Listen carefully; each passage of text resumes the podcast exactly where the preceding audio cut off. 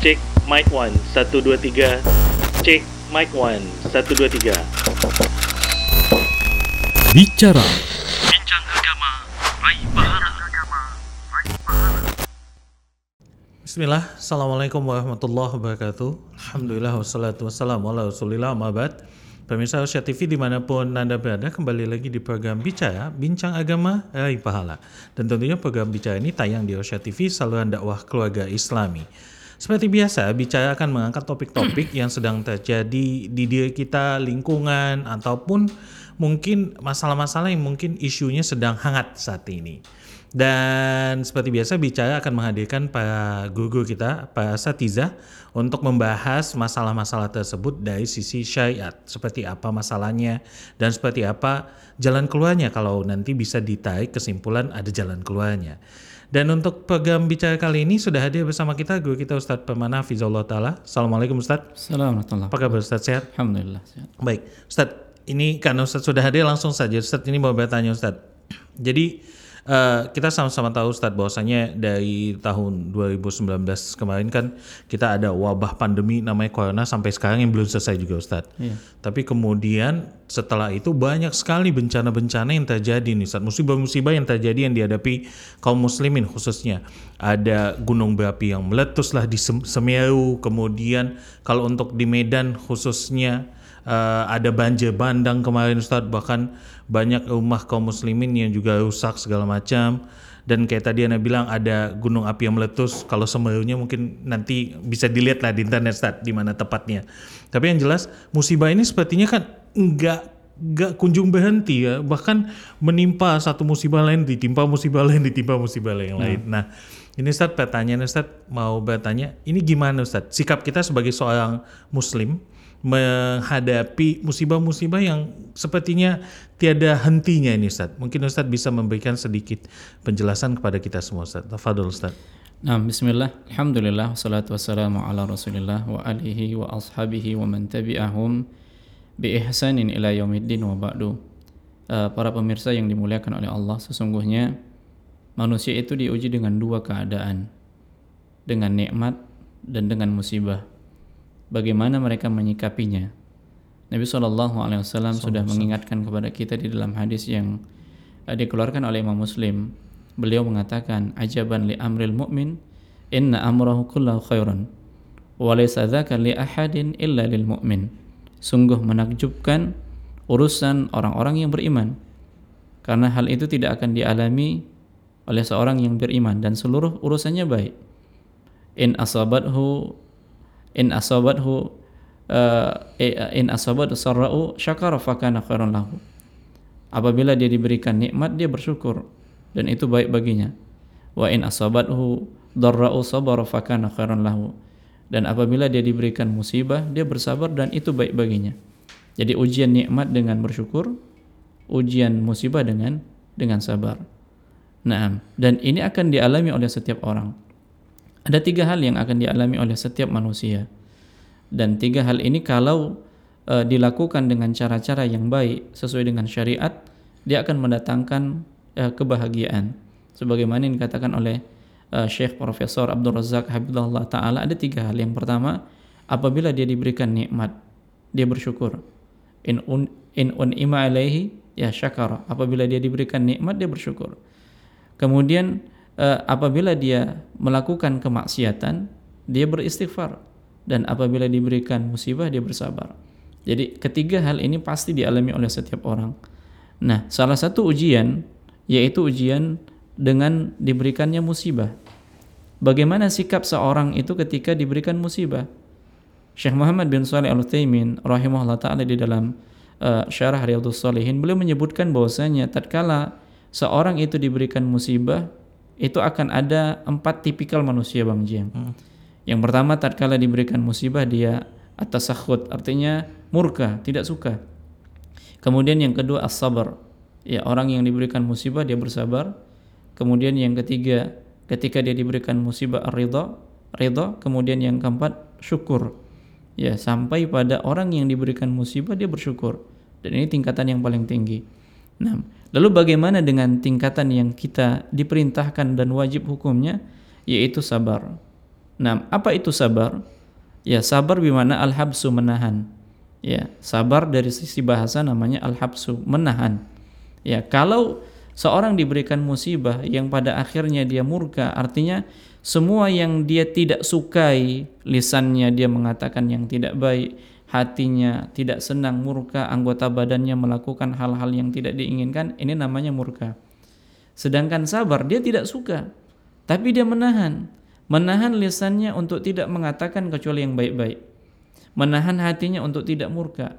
Kemudian menahan anggota badannya untuk tidak memukul-mukul wajah, ya mengacak-acak rambut dan sikap-sikap yang menunjukkan dia tidak tidak sabar demikian. Naam. Jadi seorang yang dituntut tatkala dia diberikan musibah, kewajiban dia adalah bersabar. Dan sesungguhnya musibah ini suatu kepastian. Suatu kepastian dan setiap orang pasti akan mengalami hal tersebut sebagaimana Allah Subhanahu wa taala mengatakan di dalam surat Al-Baqarah ayat 155 walanabluwannakum bisyai'im minal khauf wal ju' wa naqsim minal amwali wal anfusi wath thamarat wa basyiril sabirin sungguh kami benar-benar akan menguji kalian dengan sedikit ya kelaparan rasa takut kekurangan harta jiwa dan bersabarlah ya berilah ge berita gembira bagi orang-orang yang yang bersabar. Ini menunjukkan apa? Musibah itu suatu kepastian. Pasti terjadi. Pasti akan pasti akan dialami. Namun kewajiban kita ketika kita ditimpa musibah, kewajiban kita adalah bersabar. Karena ini bahagian dari ibadah. Ya, ini bahagian dari dari ibadah. Kenapa seorang itu diperintahkan untuk bersabar tatkala dia diberikan musibah? Karena dengan bersabar itu dia menahan dirinya, menahan lisannya dari sesuatu yang memang dia tidak inginkan. Ya, dari sesuatu yang dia tidak sukai dari ketetapan Allah Subhanahu wa taala. Nah, maka sabar ketika ditimpa musibah ini merupakan kewajiban. Kemudian, kapan kita harus bersabar? Kita harus bersabar tatkala uh, musibah pertama kali datang. Ya tatkala musibah itu datang pertama kali, maka di saat itulah kewajiban kita untuk bersabar. Nabi wasallam pernah uh, jalan bersama dengan Anas bin Malik dan melewati seorang wanita yang dia tengah menangis, menangisi uh, kuburan anaknya. Anaknya sudah meninggal dunia. Nabi katakan, "Isbiri, sabar." Ya, si wanita ini tidak mengetahui bahwasanya yang menyampaikan untuk sabar itu adalah Rasulullah. Lalu dia mengatakan, "Sesungguhnya engkau tidak mengetahui apa yang aku rasakan." Akhirnya Nabi Nabi pun berlalu. Nah setelah Nabi berlalu, maka Anas pun mengatakan sungguh yang mengatakan barusan adalah Rasulullah. Maka wanita itu pun mendatangi Rasulullah Shallallahu Alaihi Wasallam dan dia minta maaf karena ketidaktahuannya. Apa kata Nabi Shallallahu Alaihi Wasallam? Inna sabara fi sadamatil ula. Sesungguhnya sabar itu pada kali pertama ketika ditimpa musibah. Jadi yang dituntut dari kesabaran tatkala kita ditimpa musibah pertama kali itu yang dituntut karena itu berat Bang Jian. Tapi kalau dia sudah sepekan dua pekan baru sabar, nah sudah berlalu masa-masa yang dia tidak suka, nah itu bukan seperti ini yang dituntut. Ya yang dituntut itu pada kali pertama ketika dia ditimpa musibah dan itu berat. Ya dan itu dan itu berat. Nah, kemudian para uh, pemirsa yang dimuliakan oleh Allah, Bagaimana dengan sikap atau hukum orang-orang yang murka dengan uh, musibah yang diberikan oleh Allah Subhanahu wa taala, maka hukumnya haram. Ya tidak diperbolehkan. Allah Subhanahu wa taala mengatakan di dalam surat Al-Hajj ayat yang ke-11, uh, "Wa minan nasi may ala harfin. In asabathu khairun itma'anna bih, wa in asabathu syarrun inqalaba ala wajhihi." Ya. Uh, wa in asabathum fitnatun inqalaba ala wajhihi. Allah Subhanahu wa taala mengatakan ya di antara manusia ada yang beribadah kepada Allah Subhanahu wa taala berada di tepi. Ya, artinya cari aman.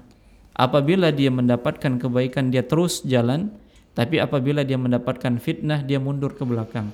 Artinya apa? Ketika dia diberikan musibah dia mundur. Dia tidak lagi beribadah kepada Allah Subhanahu wa taala. Ini menunjukkan apa? Dia murka dengan sesuatu yang dia tidak ingin dicoba dari musibah-musibah. Ya, dengan kata lain, ya tidak boleh seseorang itu ketika dia diberikan musibah dia murka kepada Allah Subhanahu wa taala. Karena apa? Prinsipnya ya, kalau diberikan musibah itu merupakan bahagian dari ujian dari Allah Subhanahu wa taala dan tidak akan sempurna ujian kesabaran kecuali dengan apa? musibah. Naam. Kemudian Ya, apa hikmahnya? Kenapa kita harus diperintahkan untuk bersabar tatkala kita diberikan musibah? Yang pertama, tatkala seorang ditimpakan musibah kemudian dia bersabar, ini akan menjadikan dia mendapatkan hidayah, petunjuk. Allah Subhanahu wa taala mengatakan di dalam surat At-Taghabun ayat yang ke-11, "Ma asaba min musibatin illa biidnillah wa may yu'min billahi yahdi qalbah." Dan tidaklah suatu musibah yang menimpa seseorang kecuali dengan izin Allah dan barang siapa yang beriman ya barang siapa yang yang beriman maka Allah Subhanahu wa taala akan memberikan hidayah ke dalam hatinya pada dirinya. Artinya beriman di sini apa? Bersabar. Jadi orang yang bersabar ketika dia ditimpa musibah ya ketika dia ditimpa musibah dia akan mendapatkan hidayah. Sebagaimana ayat lanjutan dalam surat Al-Baqarah ayat 180 uh, 155 wa basyiril sabirin. Ya berilah kabar gembira bagi orang-orang yang sabar. Ya apabila ditimpa musibah dia mengatakan innalillahi wa inna ilaihi rajiun. Ulaika alaihim salawatum min rabbihim wa ulaika humul muhtadun. Mereka lah yang mendapatkan salawat dari Rabb mereka dan mereka pula lah yang mendapatkan petunjuk. Jadi orang yang bersabar ketika mereka ditimpa musibah, mereka mendapatkan petunjuk. Kemudian yang kedua, ya hikmah yang kedua adalah seorang yang bersabar ketika dia ditimpa musibah, ini akan mendapatkan pahala. Tanpa batas. Makanya uh, salah dikatakan bahwasanya sabar itu ada Batasan. batasannya. Padahal tidak. Kalau dia membatasi sabar berarti dia membatasi pahala dari Allah Subhanahu wa taala. Allah mengatakan innama yuwaffas sabiruna ajrahum bighairi hisab. Ya, sesungguhnya Allah Subhanahu wa taala memberikan balasan bagi orang-orang yang bersabar, balasan tanpa batas. Ya, balasan tanpa tanpa batas. Kemudian uh, hikmah yang ketiga, kenapa kita diperintahkan untuk bersabar? Karena Allah bersama dengan orang-orang yang bersabar. Allah katakan, ya wasta'inu bis sabri was shalah fa innallaha ma'as sabirin. Ya, minta tolonglah kepada Allah Subhanahu wa taala dengan sabar dan salat dan sesungguhnya Allah Subhanahu wa taala bersama dengan orang-orang yang yang bersabar. Nah, ada hikmahnya jadi. Ya, ketika ditimpa musibah. Lalu bagaimana kiat kita? Ya, tatkala hal itu terjadi pada diri kita, apa yang sudah terjadi ya mungkin kita men bisa menjadi apa namanya pembelajaran bagi kita mudah-mudahan ya ke depannya ketika Allah Subhanahu wa taala memberikan ujian kepada kita karena itu suatu kepastian kita bisa bersikap dengan sikap sabar. Yang pertama menyadari akan hikmahnya sebagaimana hikmah-hikmah yang sudah kita sebutkan tadi Bang Jiang. Ada dapat petunjuk, kemudian pahala tanpa batas, kemudian Allah bersama dengan orang-orang yang yang bersabar. Kemudian menyadari hikmah ketika musibah yang terjadi ya menimpa seseorang di dunia ini bahwasanya orang-orang yang uh, mengalami musibah-musibah se seperti itu ini tidak lain adalah Allah menginginkan kebaikan. Kebaikan pada dirinya. Bagaimana caranya? Allah katakan dalam surah uh, di dalam hadis yang dikeluarkan oleh Al Imam At-Tirmidzi man yuridillahu bihi khairan yu'ajjalahu uqubatun fid dunya Barang siapa yang diinginkan oleh Allah Subhanahu wa taala kebaikan pada dirinya, Allah segerakan hukumannya di dunia. Ya, dia sabar. Dan barang siapa yang uh, diinginkan oleh Allah Subhanahu wa taala keburukan pada dirinya, maka akan ditahan dan akan ditunaikan nanti pada hari kiamat. Jadi hukumannya itu ditunaikan nanti pada hari pada hari kiamat. Jadi orang-orang yang diberikan musibah berupa apa namanya ujian-ujian ini pada dasarnya adalah untuk menggugurkan dosa-dosanya dan ini yang diinginkan oleh Allah Subhanahu wa taala. Kemudian uh, di antara kiat selanjutnya bahwasanya agar kita bisa bersabar ya dari musibah meyakini bahwasanya ujian itu adalah kepastian. Setiap orang pasti akan diuji. Sebagaimana pada ayat yang sudah kita sebutkan wala nabluwannakum bisyai'in. Sungguh kami benar-benar akan menguji kalian dengan sedikit. Dan yakinlah bahwasanya ujian yang Allah berikan itu hanya sedikit bisyai'in. Ya tidak semuanya. Dan kita sadari itu. Lebih banyak nikmat yang Allah berikan kepada kita daripada daripada musibah. Kemudian kiat selanjutnya adalah musibah yang kita alami itu tidak lebih berat daripada yang dialami oleh Rasulullah jadi tatkala kita ditimpa musibah maka ingat musibah yang dialami oleh Rasulullah itu jauh lebih besar jauh lebih berat. Makanya Rasulullah Shallallahu Alaihi Wasallam masuk ke dalam ulul azmi minar rusul.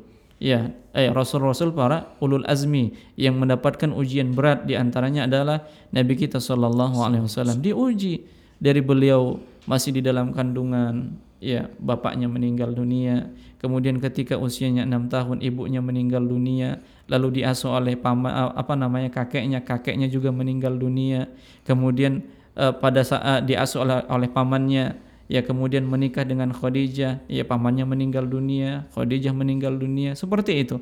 Jadi belum lagi ujian-ujian dakwah yang dialami oleh Nabi Shallallahu Alaihi Wasallam. Nah, kemudian kiat selanjutnya adalah berdoa kepada Allah Subhanahu Wa Taala. Di antara doanya apa? Tatkala ditimpa musibah, tatkala kita diuji, maka doa yang diperintahkan adalah mengatakan, mengucapkan kalimat istirja. Ya inna lillahi wa inna ilaihi rojiun. Nah, demikian. Kemudian uh, yang terakhir kiat agar kita tetap bersabar ya supaya kita bersabar dari musibah yang ada adalah meyakini bahwasanya musibah yang kita dapati itu disebabkan karena ulah tangan kita sendiri. Ali bin Abi Thalib mengatakan ma nazala balaun illa bidzanbin wala rufi'a illa bitaubatin. Tidaklah bala hukuman ujian itu turun kecuali karena dosa dan tidaklah dia akan diangkat kecuali dengan bertobat kepada Allah Subhanahu wa taala. Fenomena yang terjadi, bencana alam yang terjadi di negara kita, di tanah air kita dan tempat-tempat yang lain, maka bisa jadi faktor yang menyebabkan itu semua adalah karena ulah tangan kita sendiri. Oleh karenanya, ya kembalilah kita kepada Allah Subhanahu wa taala agar Allah Subhanahu wa taala mengangkat musibah itu dari diri kita khususnya dari tanah air kita dan dari negeri-negeri kaum muslimin. Nah, Allah a'lam. Masya Allah, jazakallah ya Ustadz. Jadi intinya sabar Ustadz ya, karena sabar. banyak hikmah yang bisa kita dapat dari kesabaran menghadapi musibah. Nah. Gitu Ustadz ya. Masya Allah. Baik pemirsa Rasyad TV di mana pun Anda berada, dengan demikian bahas sudah episode bicara kita kali ini. Uh, kita tutup dengan doa kafatul majlis. Subhanakallahumma bihamdik. Asyadu an la ilaha illa anta. Astaghfirullah wa atubu Assalamualaikum warahmatullahi wabarakatuh. Assalamualaikum.